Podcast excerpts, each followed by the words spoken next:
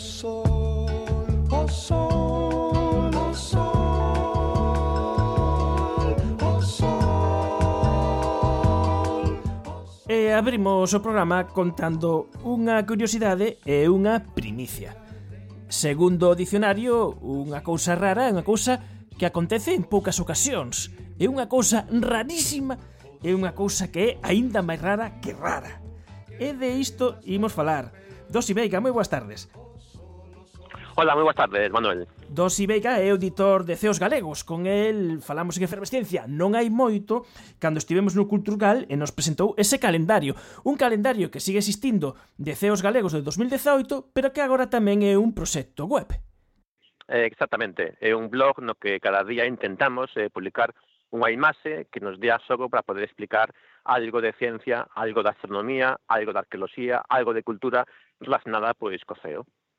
E resulta que o pasado venres eh, publicastes unha entrada que é unha auténtica primicia. Porque se son raros os raios verdes, por exemplo, no calendario ceos galegos hai un fermosísimo raio verde na ponte de Rande, raios doutras cores son aínda máis máis difíciles de ver.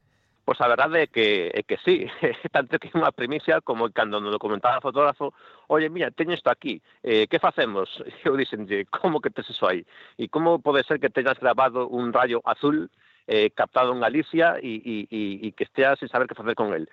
E a verdade que rapidamente estivemos eh, buscando, buscando documentación Y, y eso qué, ¿no? Rayo Verde está documentado, se conta, había lendas. Eh, Julio Verne, tengo un libro publicado sobre Rayo Verde.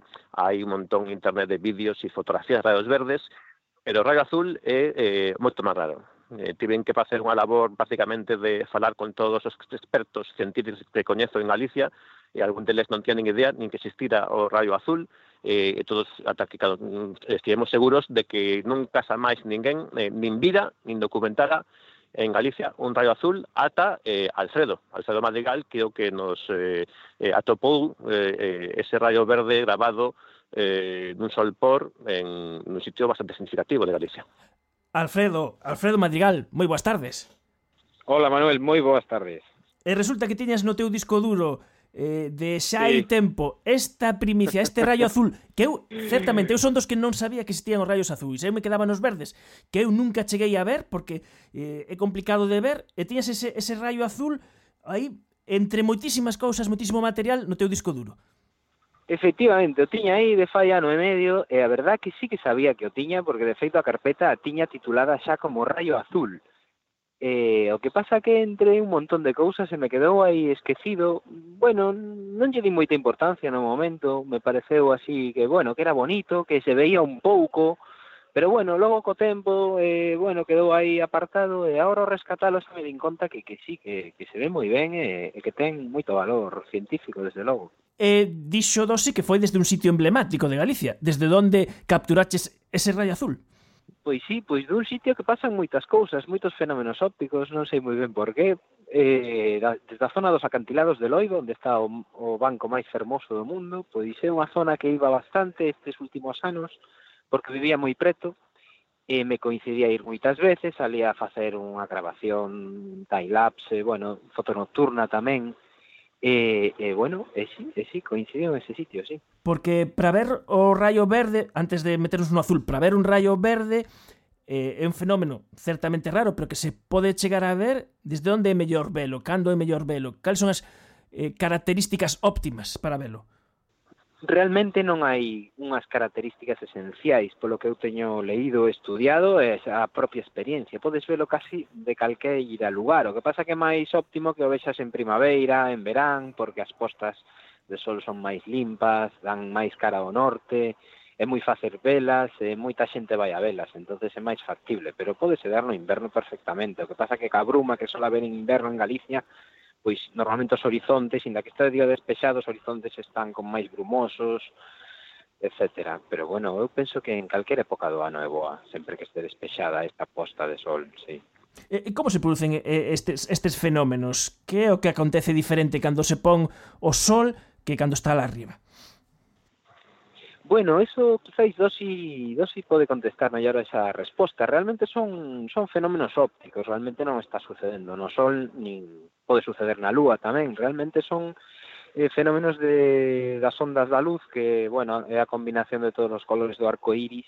Entonces, en, en certas momentos, cando se está poñendo o sol, hai moitas capas da atmósfera aí acumuladas, unhas máis frías, outras máis quentes, entonces os, a luz blanca, digamos, que se disgrega en diversos colores, e a veces pois é máis intenso pois o rayo verde, que é o máis común, a veces non se produce ningún, e moita, e algunha, moi poucas veces, pois eu só captei esta vez o rayo, un rayo azul, así un pouco máis débil, sí.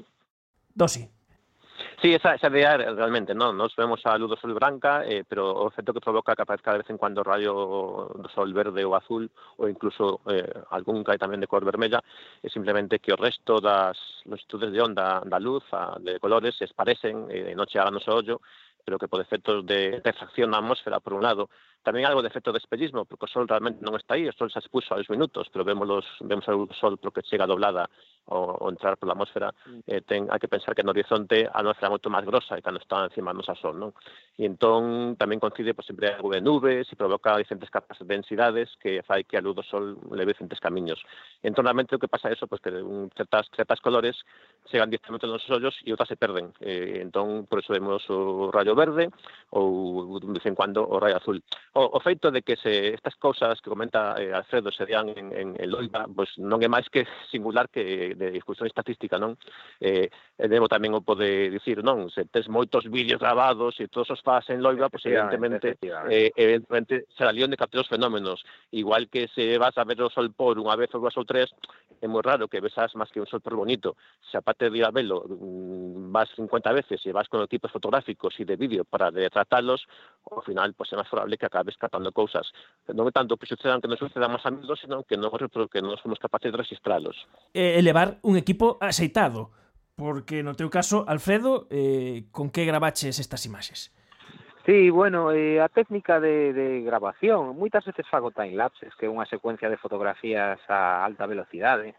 a veces fago vídeo, bueno, en este caso fixen vídeo porque a cámara que uso pois mo permite unha boa calidade.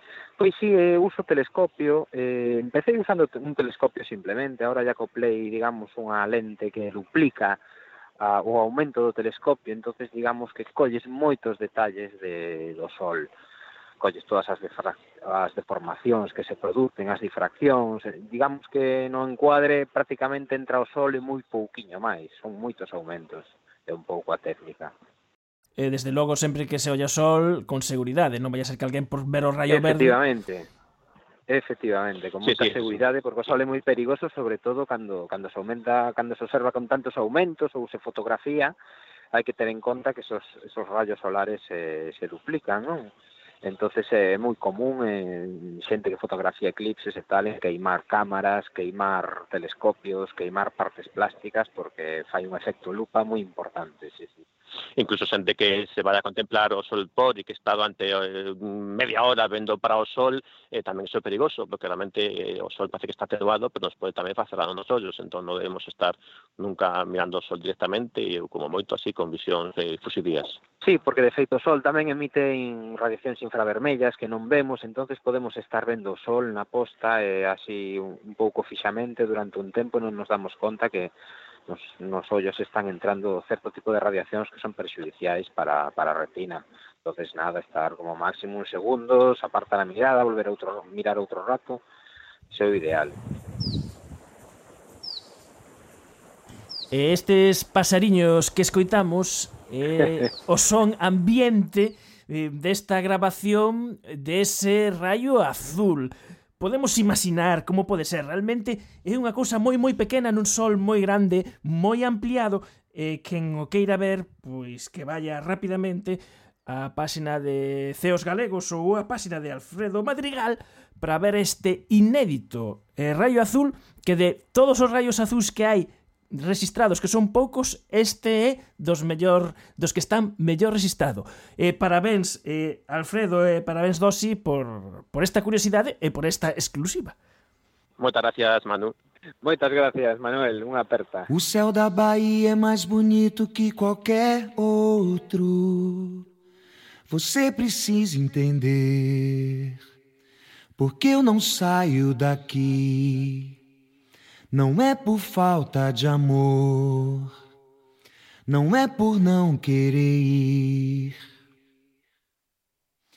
O céu da Bahia é mais bonito que qualquer outro. O céu azul. A ciencia na Radio Galega.